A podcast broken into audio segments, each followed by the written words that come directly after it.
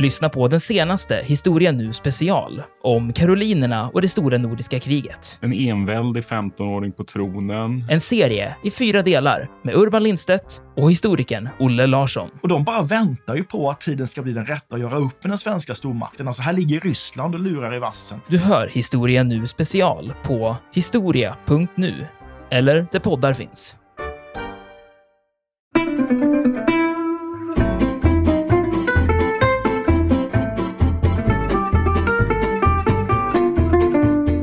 Många av de här äh, väldigt omständliga och för en modern betraktare nästan lite löjeväckande måltidsritualerna som vi förknippar med Solkungen och, och hovlivet på Versailles handlade ju faktiskt om att minimera risken för att kungen skulle bli förgiftad. Så det här var ju på många sätt en fråga om liv och död för kungen. När man obducerade honom 1715 i början av september så noterade man att han hade ju tydligen då enligt ett ögonvide, dubbelt så långa tarmar som en vanlig människa.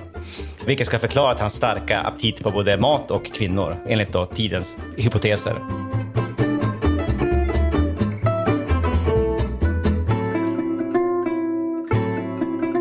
Podden En oväntad historia utgår från en liten händelse för att med glimten i ögat berätta den stora historien.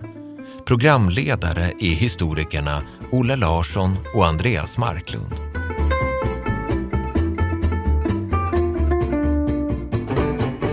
Hallå där Olle! Tjena Andreas, det var länge sedan. Ja, verkligen. Välkommen tillbaka till verkligheten får man säga. Tack så mycket och detsamma får jag väl säga då.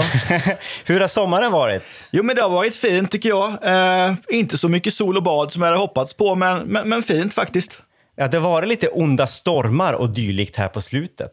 Får man ja, ju säga. Hade jag trott på Hans- järtecken så hade jag sett framtiden an med viss skräck och bävan faktiskt. Ja, men jag tänker på kung Hans här, den gamle kung Hans. Efter honom kommer Christian Tyrann. Vad kommer efter stormen Hans? Kommer en ännu mer tyrannisk utgåva? Vem Ja, vet? oss, vi får se. Men du, har du något så extra starkt och vad ska man säga, härligt semesterminne som du skulle vilja dela med mig och eh, alla våra lyssnare? Jo, men jag har varit en sväng i Polen i somras och eh, bland annat i Gdansk som jag tycker är en liten pärla, eller så liten är den inte, men en riktig pärla vid Östersjön. Och för mig då som är intresserad av kalla kriget, 80-tal, eh, östblockets historia, så var, ett, var jag på besök i, på Solidaritetsmuseet som är ganska nytt, som var väldigt, väldigt bra. Och även andra världskrigsmuseet i Gdansk är väl värt ett besök. Inte minst för att den är Ja. arkitektoniskt fantastisk byggnad. Ja, just det. Och sen i närheten av Gdansk ligger ju den stora eh, tyska ordensborgen Malbork som liksom uppfyller alla kriterier på hur en riktig riddarborg ska se ut. Jag var svårt förtjust i den. Så det har varit mycket bra. Det låter ganska historiespäckat. Ja, men det blir ju så ibland. Ja, ja, fantastiskt. Ja, men alltså själv har ju, alltså min semester har inte varit lika historiespäckad. Det har varit mer eh, sommarstugeliv och, och, och sådana saker och, och bad och plask. Men jag har faktiskt eh, fjällvandrat på Kungsleden tillsammans med familjen. Eh, vi försökte faktiskt bestiga något som heter Sytertoppen, som är Västerbottens högsta fjälltopp. Men då ungefär, vad kan det vara, 200 meter från toppen, då var det en yngre individ som behövde gå på toa. Och vägrade göra detta ute i det fria, så då fick jag gå ner igen och hitta ett dass. Eh, och sen gick jag upp igen för att återansluta mig, men var de andra redan på väg ner. Så eh, jag, jag, jag gick flest steg, men eh, jag har fortfarande toppen till godo. Ja, då vet du vad du ska göra nästa sommar. och igen och igen och igen. Och igen ja, precis. igen och igen. Ja, precis. Jo, ja, men jag har fått ett litet projekt här. Ett eget litet Sisyfos-projekt känns det som. Ja. Men du, eftersom vi just precis har återvänt till det här maskinrummet efter sommarsemestern och eftersom åtminstone jag Folk kan ju inte se mig, men du kan se mig. Jag har, jag har fortfarande min, min solhatt på mig. Alltså jag har fortfarande en ganska naiv dröm om lite sol och plask vid strandkanten innan det här höstrusket drabbar oss på allvar. Alltså innan kung Hans efterträdare Kristian Christian Tyrannstormen kommer. Eh, jag tänkte att vi skulle liksom inleda säsongen då med ett återbesök. Ett varmt återbesök hos, hos vår kära gamle vän Solkungen! Det tycker jag att jag var lite fyndig. Eh, alltså Louis den XIV. Eh, han ja, det är ju var- roligt faktiskt. Ja, lite kul var det väl. Eh, Men han den som var kung av Frankrike i hela 72 år och 110 dagar. Från 1638 till 1715. Hur låter det? Det låter alldeles utmärkt. Jag Det gillar Ludvig. Precis, det är det man behöver nu. va? Ett historiskt solminne, eller vad man ska säga. jag vet inte hur det är med dig, Olle, men Ludvig XIV är ju då en, en aktör eller en, en, potentat som jag tror att ganska många dödliga förknippar med, med kunglig elegans och pompa och ståt alla spegelsalen i Versailles och de här enorma perukerna, storslagen barockmusik, ändlösa banketter och alla dessa menuettdansande män med snygga vader som vi liksom tenderar att eh, återkomma till ibland här i, i programmet. Men det är en helt annan sida kanske inte lika solskimrande sida av Ludvig XIVs Frankrike som vi ska ta oss an idag. Faktiskt raka motsatsen. Det är en väldigt ljusskygg, obskyr sida vi ska grotta ner oss i. Och Ludvig XIV, han var definitivt inblandad i allt det här vi ska prata om idag. Alltså han var ju inblandad i det mesta som hände i Frankrike på den här tiden. Men i de här specifika tilldragelserna som vi ska fokusera på, rikta våra ficklampor mot, så, så, så var kungens vad ska man säga, engagemang ganska motvilligt och relativt indirekt. Och det återkommer vi till senare. Här och nu vill jag bara poängtera att ämnet för idag det här är kanske lite, vad ska man säga, sån trigger warning. Det här är nästan lika förbluffande och gastkramande spännande som, som mysteriet om mannen med, med järnmasken. Det har vi pratat om tidigare. Men det här är ännu mer bisarrt och ännu mer osannolikt. Men på något jädra vänster har det här alltså hänt på riktigt. Åtminstone en del av det och åtminstone ur något perspektiv. Och det är väl egentligen det som egentligen gör historia så oerhört fascinerande. Att det ändå har hänt. På något sätt. Så är det inte ganska bra här. Jo. Eh, håll i dig nu, Olle. Det här är verkligen inte för svaga själar. Jag förflyttade i tanken till, till Frankrike på 1660-talet. Det här är Solkungens och de tre musketörernas tid. Vi befinner oss i en mörk och fuktig slottskällare på ett relativt isolerat landsbygdsslott i hjärtat av Frankrike. Vi ser några mystiska individer också. En präst i svart kåpa med ett antal likaledes kåpklädda assistenter. Och vi ser en kvinna också, som faktiskt Gud hjälpe oss, som klär av sig naken inför våra ögon. Och hon lägger sig då med utsträckta armar på stengolvet utan en tråd på kroppen. Och anledningen till att vi faktiskt kan se det här är att det har placerats ut ett antal levande ljus i den här källaren. Bland annat så håller den här kvinnan i två ljus, ett i vardera handen.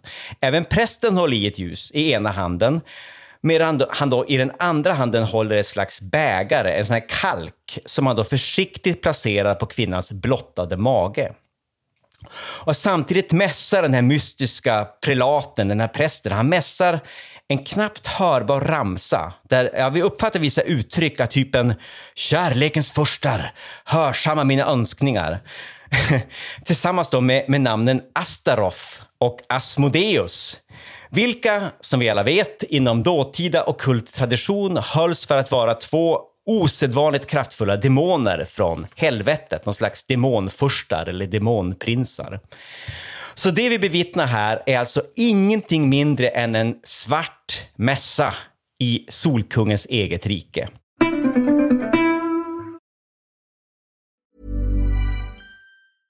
Life is full of awesome what ifs, and some not so much, like unexpected medical costs. That's why United Healthcare provides Health Protector Guard fixed indemnity insurance plans to supplement your primary plan and help manage out of pocket costs. Learn more at uh1.com.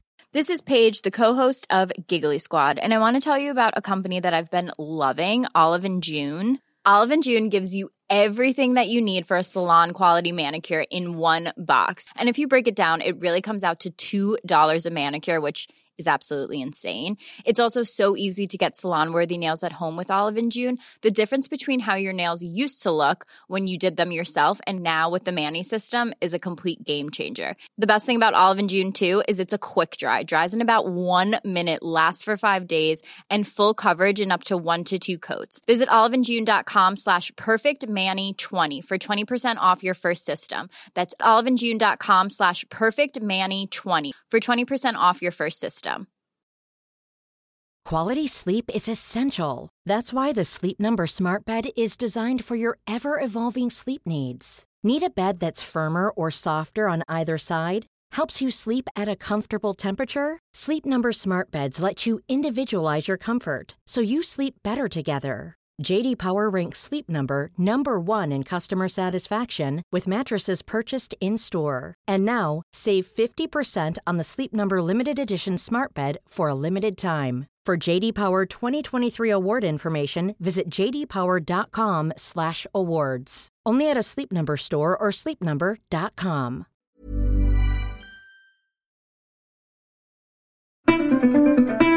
Anledningen till att vi känner till det här det är att det finns flera vittnesmål om det här, om dessa ljusskygga aktiviteter som kom fram då Ludvig XIVs hemliga polis började nysta i den mystiska härva av giftmord och svart konst som då för eftervärlden har blivit känd under namnet L'affaire des Poissons eller giftmordsaffären.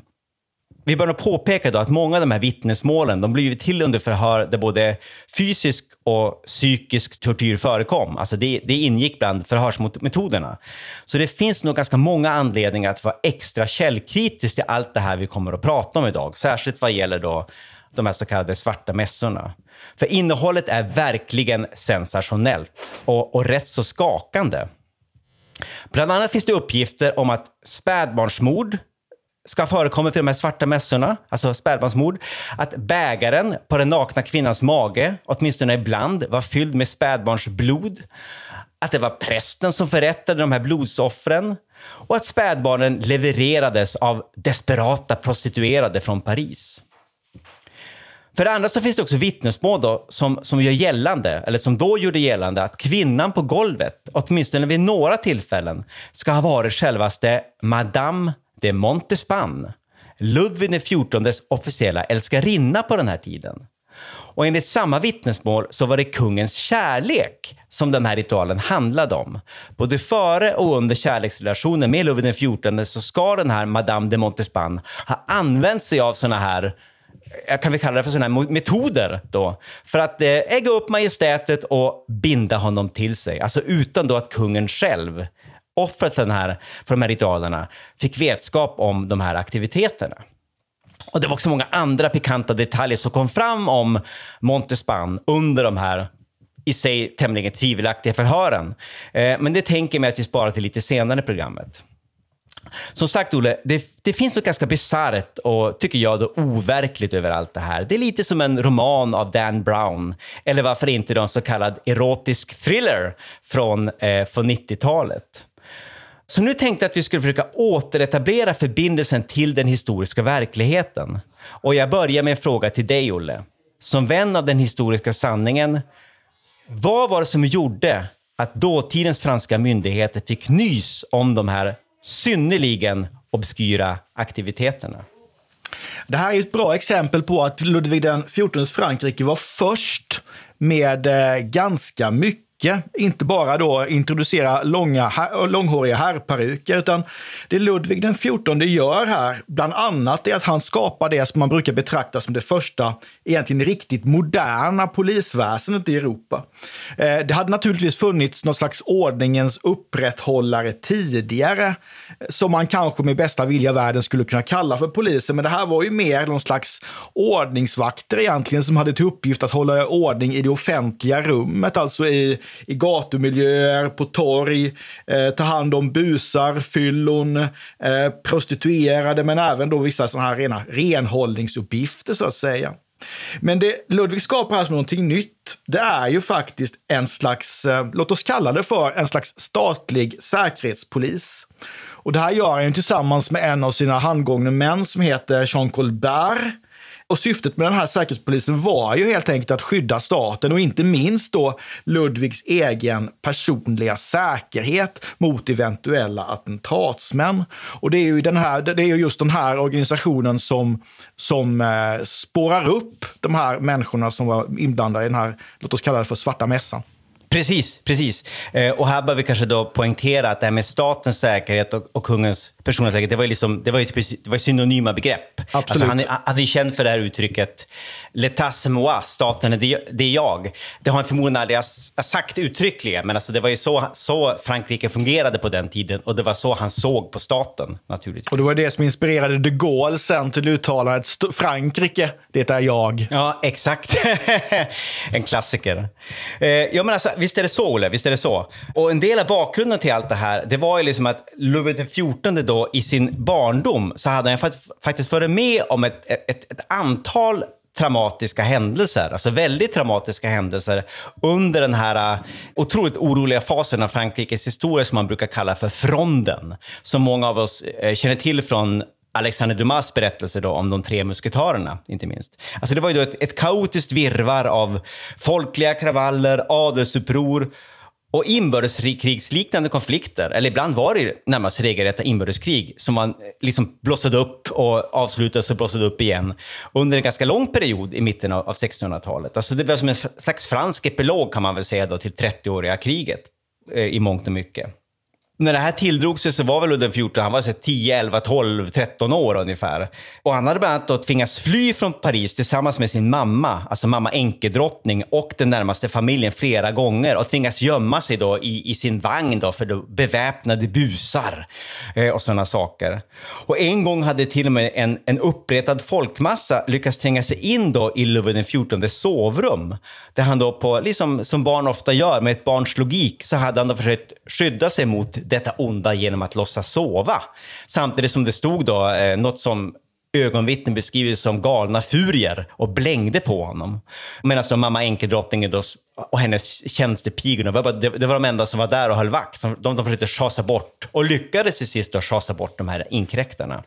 Och det är naturligtvis inte vidare, det är inte en vidare trevlig upplevelse för ett 10 till 12-årigt barn. Så ett arv efter fronden, det var ju då att Ludvig XIV blev extremt, Eh, man kan nog säga sjukligt misstänksam mot både den franska adeln, mot folket på gatorna och mot staden Paris i största, eh, största allmänhet.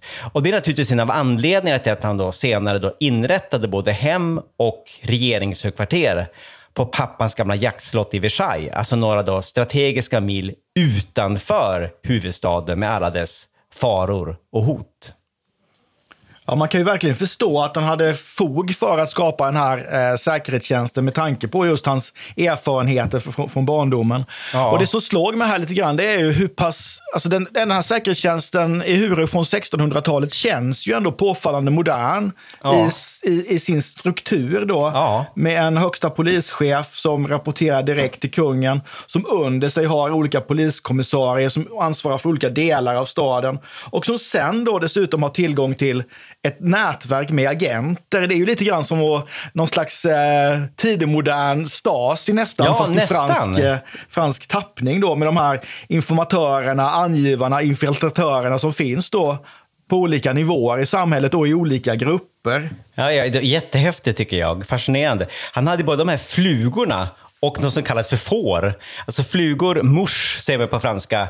Då skulle det röra sig runt bland vanligt folk, i parker, på gatorna, värdshus och krogar och bara liksom snappa upp vad folk pratade om. Och Var det något som var ett potentiellt hot mot eh, kungamakten eller statens säkerhet, då skulle det rapporteras in till poliskommissarien som rapporterade till generallöjtnanten som sen då skickade sammanställningar då direkt till regeringskansliet där kungen satt.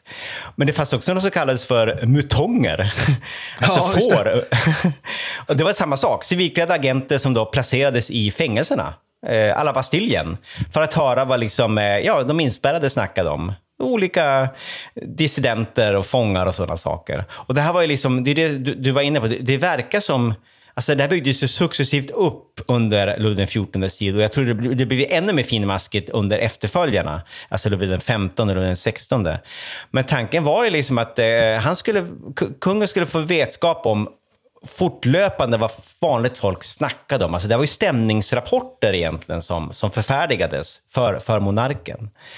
Och det handlade dels då om den här bångstyriga adeln som var farlig. De ska man hålla koll på. Alltså de potentiella frondörer. Han litade verkligen inte på adeln. Men också liksom vad snackar massorna om? För massorna var ju inte heller behagliga. De kunde ju välla in i någons sovrum till exempel och ställa till med diverse dumheter. Och man undrar lite grann hur, hur, hur, de, hur de förhöll sig statusmä- statusmässigt till varandra. Om det var finare att vara fluga än får. är du fluga eller får? Svara. P- Personligen känner jag att jag hellre vill vara en, en fluga på väggen än ett dumt Ja, det hade jag nog föredragit också. Jag tycker inte Ja. att Bastiljen verkar vara en speciellt trevlig miljö och vistas i får eller inte. Ja, exakt. Men det är lite på något begrepp. Det känns också värdigare att vara en fluga än att vara ett får. jag Lite vet grann inte. så. Men i alla fall, det var ju då genom det här äh, övervakningssystemet som blev mer och mer komplext och finmaskigt under den här perioden som Ludvig XIVs hemliga polis i mitten av 1670-talet då kom på spåren av ett synnerligen obskyrt nätverk av giftmördare och spåkvinnor och även ett antal spågubbar som opererade i trakterna i och omkring Paris. Och mitt intryck är då att jakten på de här äh, obskyra karaktärerna, att den baserades ganska mycket på just precis ängsliga rykten och oro, både hos kungen och befolkningen. Och den handlade inte minst om rädslan då för att bli förgiftad och för att dö väldigt snabbt och väldigt smärtsamt och väldigt plötsligt under oförklarliga omständigheter. Och det var en rädsla som var väldigt stark och påtaglig hos Ludvig XIV själv. Alltså han var ju livrädd för att bli förgiftad livet igenom. Men inte minst under de här åren, 1660, 70 och kanske början av 1680-talet. Då bland annat då hans älskade svägerska, alltså Henrietta av England, Henriette d'Angleterre, hertig, hertiginnan av Orleans var hon också. Hon rycktes ju bort väldigt plötsligt i 26 års ålder. De hade en supernära relation. De hade till och med, sägs det då, en kärleksrelation ett tag. Och det här dödsfallet tolka, tolkades då av många då som ett möjligt giftmord, som kanske egentligen då hade varit riktat, tänkt eh, att, att liksom ta kungen själv då av daga. Och giftmord var ju långt ifrån ovanliga företeelser under tidig modernität, ska ska man ju komma ihåg. För Ja. rädslan var ju befogad. Det, det var den verkligen, verkligen, verkligen.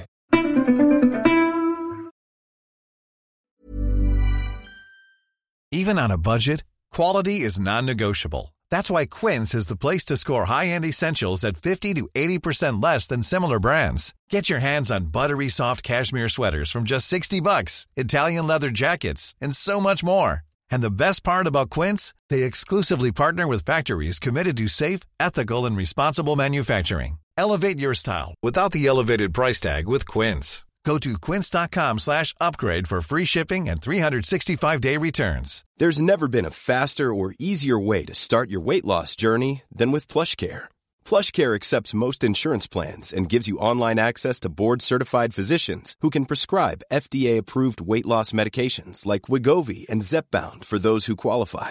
Take charge of your health and speak with a board-certified physician about a weight loss plan that's right for you. Get started today at plushcare.com slash weight loss. That's plushcare.com slash weight loss. plushcare.com slash weight loss. Quality sleep is essential. That's why the Sleep Number Smart Bed is designed for your ever evolving sleep needs. Need a bed that's firmer or softer on either side? Helps you sleep at a comfortable temperature? Sleep Number Smart Beds let you individualize your comfort so you sleep better together. JD Power ranks Sleep Number number 1 in customer satisfaction with mattresses purchased in-store. And now, save 50% on the Sleep Number limited edition Smart Bed for a limited time. For JD Power 2023 award information, visit jdpower.com/awards. Only at a Sleep Number store or sleepnumber.com.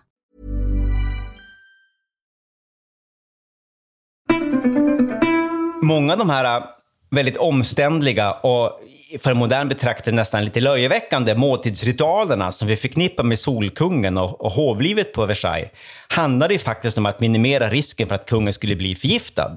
Så det här var ju på många sätt en fråga om liv och död för kungen. All mat som kungen åt, och han hade ju omvittnat god aptit. När man obducerade honom 1715 i början av september så noterade man att han hade ju tydligen då enligt ett ögonvittne dubbelt så långa tarmar som en vanlig människa. Vilket ska förklara att hans starka aptit på både mat och kvinnor, enligt då tidens hypoteser. Men den här maten blev då tillagad i ett särskilt kök med alltså särskilt betrodd personal som bara hanterade kungens måltider, ingen annans. Och den här maten var alltid övertäckt och kuvert, som man sa, eh, när den transporterades då från köket till kungens bord. Och den var alltid, alltså varje rätt var omgiven av vakter och särskilt betrodda tjänare. Och all mat, varenda smula, eh, varje anrättning provsmakades ju då av munskänkar. Och det gällde även för besticken och tallrikarna och muggarna, glaset, dryckeskärlen. Eh, jag vet i alla fall att man, man gnuggade ju tallrikarna med, med så här, brödbitar för att kolla, alltså några minuter innan måltiden för att kolla om, om folk, munskänkarna då föll ihop eller blev missfärgade i ansiktet. Och dessutom hade kungen då alltid vid alla måltider en livläkare och en kirurg i närheten då, som skulle hålla ögonen öppna och var redo att ingripa då vid minsta lilla tecken på förgiftning. Och som du nämnde, Olle, så det här var inte bara hjärnspöken. Alltså det, var, det, det var många giftmord i största allmänhet under tidig modern tid. Det var ett vanligt sätt att ta folk av daga på. Och förutom att Ulf XIV då, han hade ju väldigt många mäktiga fiender. Inte minst i den närmaste familjen, de här så kallade prinsarna av blodet som ständigt suktade efter tronen. Förutom det så inträffade det också några konstaterade och väldigt uppmärksammade giftmord i Frankrike på den här tiden. I juli 1676 så avrättades en fransk adelskvinna, markesinnan av Brinvilliers, som länge hade varit på flykt undan rättvisan efter att ha giftmördat både sin exman och sina bröder. Möjligen också flera, flera andra. Det pratades om i alla fall på den här tiden. Det skrevs om i skillingtryck och sådana saker om den här individen. Och ett halvår senare så greps då en väldigt välkänd prominent spåkvinna i Paris som misstänktes då för att ha ja, tillsammans med sin älskare har giftmördat en äldre advokat som hon också hade haft någon relation till och lurat på en massa pengar.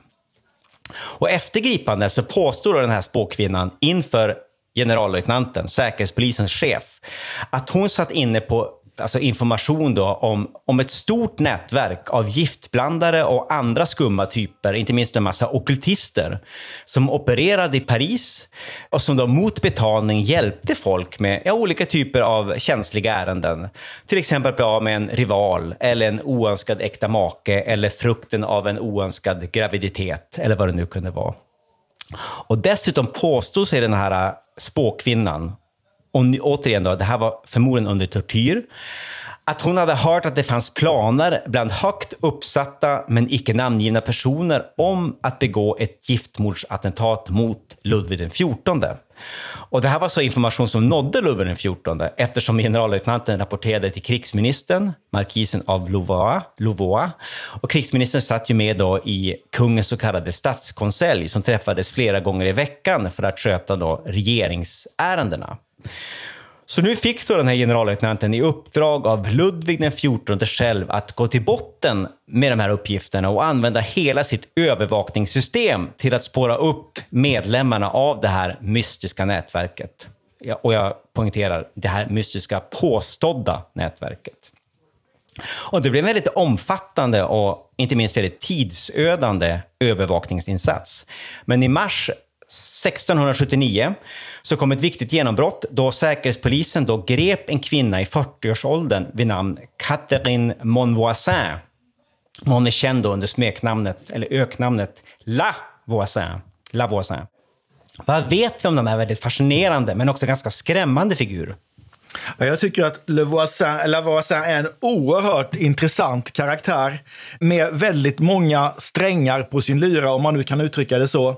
Hon hade, hon hade ju ganska besvärligt själv. Hon hade ju ensamt ansvar för att försörja sin familj.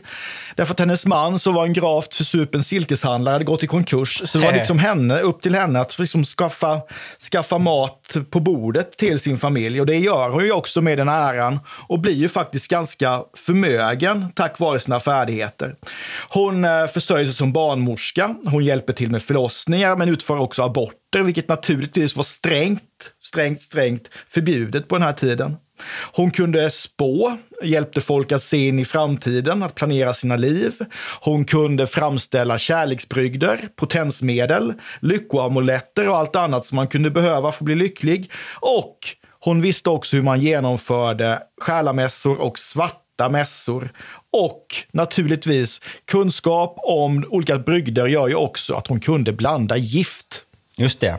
Precis. Hon är känd under begrepp som giftblandare och giftkokerska, vilket jag tycker är på något sätt ganska kittlande titlar. Men alltså det är sant, alltså hon verkar ju liksom om man får uttrycka ett modernt uttryck, använda ett modernt uttryck, hon verkar ha dragits djupare, djupare in i något slags kaninhål kan man väl säga. Där det handlade ganska mycket om att påverka folks framtid. Alltså hon började med, som barnmorska, började extra knäcka med att spå och så upptäckte hon att det kanske gav extra effekt när hon kunde hjälpa folk att påverka vad framtiden faktiskt bar i sitt sköte. Alltså du sa lyckoamuletter, afrodisiaka, eh, men även då till sist då regelrätta giftmord och, och så vidare. Och det verkar ju som själva drinkbasen, om man nu ska tala om en drinkbas i de här gift, giftbrygderna, var faktiskt arsenik.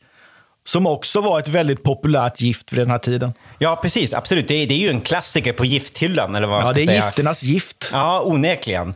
Eh, för att efter att hon hade gripits där då, 1679, jag tror det var på vägen hem från högmässan till och med, så genomfördes då en väldigt snabb och ganska grundlig husrannsakan i hennes hem. Och då hittade man ju enorma mängder arsenikvisst, alltså i källaren. Och det var ju ett gift då som Lavoisin och hennes kumpaner, alltså det var ju flera stycken som var inblandade. Hon hade ju medhjälpare. Det var gift som de sålde på beställning till hugade kunder och som då exempelvis kunde blandas ner i ja, en måltid eller, eller i någons lavemang, har jag också läst. Att det var ett, ett, ett, ett populärt sätt att liksom, administrera de här gifterna på. Men polisen fann ju också då lager hos Lavoisin av långt mer obskyra substanser som ormsekret och paddsekret. Man hittade avklippta naglar, man hittade pulveriserade kräftor och man hittade också olika varianter av så kallad spansk fluga har jag läst mig fram till. Och det är ett begrepp som jag förknippar väldigt mycket med den här farsen med Carl Gustav Lindstedt, där han är en fryntlig senapsfabrikör. Men det är också namnet på någon slags skalbagge som finns i Sydeuropa och från vars vingar men man kunde visst också använda andra insektsvingar. Man framställde något slags potensmedel, afrodisiakum, som också var någon slags universalelixir. Alltså spansk fluga kunde användas till you name it. Så det var säkert ganska användbart att ha för en person som Lavoisin med hennes kundkrets och hennes, vad ska man säga, hennes business. Och hennes, hennes bredd i verksamheten. Ja, onekligen. Precis, precis. Det Hon var, la ja. ju verkligen inte alla ägg i samma korg. Nej, onekligen. Precis, det satte du huvudet på spiken. Hon hade en väldigt bred palett av tjänster hon kunde erbjuda och spansk fluga passade in i allt. Men du, det råder inga tvivel om att eh, Solkungens då eget Säpo, eller vad vi ska säga då, lyckades bura in en fascinerande men också då väldigt suspekt och skrämmande individ. Men vad fick det här för konsekvenser, Olle? Ja, jag tycker att efterspelet här är intressant. Eh, Ludvig den 14 låter då upprätta en speciell, ska vi säga, en slags kommissionsdomstol som får det talande namnet den glödande kammaren och det låter ju oerhört skrämmande. Om någon sa till mig att jag skulle föras till den glödande kammaren för att förhöras så hade jag nog darrat en smula på, på manschetten. Ja, men apropå det här med tortyr. Det var nog min första association ja. där. Men den här kammaren eller domstolen ska ju ta reda på vad det är eh, har gjort och vilka som har varit inblandade, vilka det är som har anlitat henne och kunnat vilja, vilja dra nytta av hennes, hennes färdigheter. Och det fanns ju, alltså hon är ju, hon är ju unik, men ändå inte, utan det fanns ju flera som Lavoisin i, i Paris och i många andra europeiska städer, alltså slags, alltså nästan på organiserade nätverk av kloka gubbar, gubbar och gummor som kunde det här med, med brygder av olika slag och som kunde det här med magi och lyckoamuletter och sådär, som, som anlitades av olika människor i olika typer av ärenden, alltså beroende på vad man nu var ute efter. Ett eh, spirande kärleksliv, en lycklig relation eller helt enkelt göra sig av med en ovän, så visste de här vad de skulle göra. Mm, mm. Det var ganska flexibel, praktiskt användbar magi och, och så vidare. Men det lustiga är ju då att de här, eller lustiga, det som gör det här riktigt intressant, det är ju att den här utredningen då, som den här glödande kammaren, eller Chambre Ardente, sätter igång, den blottar ju en ganska, en ganska omfattande härva med mängder av kunder. Alltså det är lätt att fnissa åt många av de här äh, sakerna vi har pratat om idag. Det finns också en del obehagligheter, men det är också en del som bara låter dumt och vidskepligt. Det var ju många inflytelserika kunder bland kunderna. Alltså det var hertigar och hertiginnor, det var grevar och grevinnor, det var prinsessor, det var generaler och väldigt många höga präster. Alltså totalt 442 personer kallades till förhör innan den här processen var över. Och 36 av dessa brändes då på bål, bland andra då Lavoisin och hennes närmaste medarbetare. Hennes eh, giftexpert till exempel. Då. Så var det en handfull som istället skickades till galärflottan som slavroddare, medan ett tjugotal tvingades i exil. Och bland dem fanns då ingen mindre, för att visa liksom hur högt upp det här gick.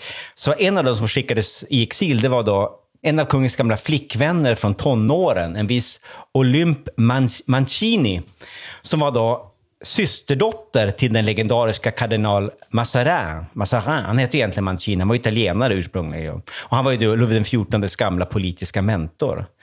Och det är också en, eh, ett annat högdjur som är ganska berömt, är ju den här eh, hertigen av Luxemburg, som är en väldigt känd fransk fältherre. Han hamnade också i klistret, för det kom ju fram under förhören att han han har varit inblandad ganska mycket, inte vad gäller gifter, men olika typer av magiska elixir och amuletter. Han har beställt en magisk lyckamulett som skulle hjälpa honom att helt enkelt att vinna framgång på slagfältet. Och det här blev ju kanske lite bättre än vad Ludvig egentligen hade hoppats på ju. Det får man ju säga. Ja. ja. Därför att en av de som dyker upp här som inblandad är ju hans, eh, hans älskarinna, hans huvudälskarinna, nämligen Madame de Montespan, som han dessutom har barn med. Sju stycken. Och det visar sig att hon är kund hos Le Voisin ja. och har tagit hennes tjänster i anspråk. Eh, och kanske till och med beställt kärlekspreparat av henne som hon kunde använda i sin relation till den franska kungen. Så det är ju en väldigt liksom, eh, ja, en, en, mycket spektakulär historia som, som rullas upp. Det får man ju säga, och den väcker många frågor. Alltså, angående det här jag just nämnde om att det var så, många, att det var så rigorös säkerhet omkring kungens måltider, alla dessa munskänkar. På något sätt ska vara sen, eller förlåt, Montespan har lyckats mata kungen med någon slags alkemiska kärlekspreparat. Det måste han ju, hon kanske då har gjort bakom sänggardinerna på något sätt. Eh, för på något sätt kom de här mystiska preparaten förbi munskänkarna. För det ska hon tydligen då, enligt de här förhören, ha gjort fortlöpande sedan någon gång i mitten av 1660-talet. Men det, räckte, det var inte nog med det. Alltså, det började med de här kärleksbrygderna. Sen började det komma fram väldigt grova anklagelser, inte minst gällande de här, då, de här svarta mässorna som vi pratade om i början av programmet. De här mässorna där då man påstod att den nakna kvinnan var ibland Madame de Montespan, som på så sätt försökte då ja, hålla kungens kärlek vid liv. Och enligt vissa vittnesmål så ingick då även spädbarnsmord i det här. Alltså Lavoisin hade genom sitt jobb som barnmorska ganska lätt tillgång till nyfödda barn. Men Lavoisin påstås även ha försökt mörda kungen med en förgiftad petitionsskrivelse, alltså ett papper som då hade smorts in i arsenik eller något annat. Och då var, eftersom kungen då hade börjat, hans passion hade börjat svalna och han hade börjat liksom vända blicken mot andra kvinnor och det gillade inte Montespan.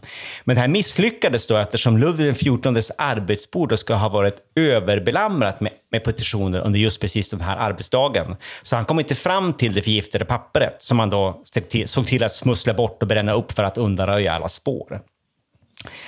Men vad gjorde kungen då, när den här informationen kom fram då om att man, Madame de Montespan hade också, vad ska man säga, lite mer tvivelaktiga sidor? Hur reagerade ja, Han vill ju inte veta egentligen. Nej. Utan han tycker att det här har gått alldeles för långt, så han, är ju, han avslutar ju rättsprocessen. Och eh, förhoppnings då, då, hans förhoppning är då att han, det inte ska komma fram någonting mer. Han vill inte veta mer, utan sätta punkt där, där och då, så att säga. Så den här eh, glödande kammaren blir ju upplöst. Och man förstör ju också de här rättsprotokollen och andra känsliga handlingar som eventuellt skulle kunna avslöja något mer. Precis, inte alla lyckligtvis. Nej, inte men, alla lyckligtvis. Men, men, men Tur för oss. Precis, exakt. Men alltså, han, han brände ju ett antal personligen, tydligen. Eh, och de fångar som inte hade hunnit förhöras, de burades in på livstid. Alltså, processerna var ju inte färdiga än, alltså, vad ska man säga, de rättsliga undersökningarna. Men de, var inte, de, de aktörer som man inte var färdiga med, de, de fängslade man genom så kallade lettre de cachet, som var en slags häktningsorder med kunglig underskrift som gjorde det möjligt att skicka de personer i fängelse utan föregående rättegång. Och det var ungefär 140 stycken personer, män såväl som kvinnor, då, som placerades på olika fästningar runt omkring i Frankrike. Och jag har läst någonstans att vissa av dem skakade galler ända fram till 1720-talet någon gång. För Madame de Montespan då, vad hände med henne? För henne blev det ju inget rättsligt efterspel, men hon tappade ju kungens gunst efter det här, föga förvånande, och fick då en, en klart mer undanskymd plats vid hovet. Kungen fortsatte under några år att besöka henne och pratade med henne ibland på hennes kammare. Men det var alltid i sällskap med andra. Han var väl helt enkelt rädd för henne. Så den intima fasen var för evigt förbi och kungen fick snart då en annan mäktig kvinna vid sin sida, Madame de Maintenon, som var en, av en helt annan karaktär, väldigt stabil och fromt religiös och så vidare. Henne kan vi prata om en annan gång.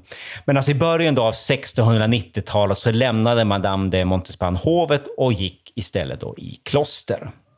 Men Olle, som spekulativ avslutning på detta spekulativa avsnitt. Vi har ju tidigare pratat om mannen med järnmasken. Och eh, vi har försökt ringa in vederbörandes identitet. Vi vet att det, hade, att det har funnits en maskerad fånge med ett namn som aldrig fick yppas, som avled 1703 på Bastiljen. Och vi vet också att den här hemlighetsfulla fången då dessförinnan hade flyttats runt om i många, många år mellan olika fästningsfängelser då, i och omkring Louis XIVs Frankrike i sällskap med sin personliga fångvaktare. Skulle man kunna tänka sig att denna olyckliga satar var en av många, en av dessa många olyckliga satar som då stuvades undan för att glömmas efter att den här polisutredningen då hade liksom bökat fram spår som pekade hela vägen fram emot kungens egen sängkammare. Ja, men det tror jag säkert. Jag tycker det är en oerhört spännande liksom, aspekt av mannen med järnmasken och en, en väldigt intressant infallsvinkel. För det, det, är ju ett mysterium med den här mannen med järnmasken som sitter inlåst så länge, flyttas mellan olika fängelser. Hans identitet får inte röjas, han måste vara maskerad, han får inte tala med andra, andra medfångar, han är isolerad. Alltså, det är ju någonting här som, som gör att den här fången har kunskaper om något som absolut inte får komma ut. Och visst, jag tycker det finns en, en, en ganska stor rimlighet att det kan mycket väl ha en koppling till, till just det här. Det tänker jag också. Och det får vi gräva i, i ett annat avsnitt kanske. Det tycker jag. Det är jättespännande det här. Super. Vi ses! Det gör vi. Tack för det Andreas. Ha det bra. Detsamma. Hej, hej! Hej! hej. Vi tackar programledarna Olle Larsson och Andreas Marklund.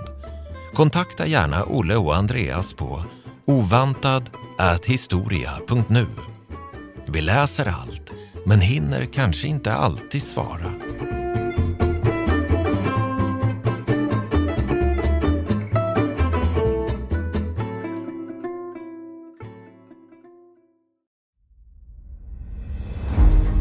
Jakob de la Gardie är den enda svenska fältherre som lett en armé till Moskva och trätt fram inför tsaren. Bedriften gjorde honom till en av 1600-talets största befälhavare. Moskvas erövrare är den första biografin över Jakob de la Gardie, en av stormaktstidens portalfigurer. Historikern Peter Ullgren följer hans stormiga bana från den föräldralösa barndomen vid 1500-talets slut till maktens topp och den mullrande statsbegravningen i Stockholm 1652. Moskvas erövrare är utgiven av förlaget Historiska Media. Ljudboken finns tillgänglig hos streamingtjänster som Bookbeat, Storytel och Nextory. Beställ den fysiska boken på förlagets hemsida historiskamedia.se eller köp den i en bokhandel nära dig.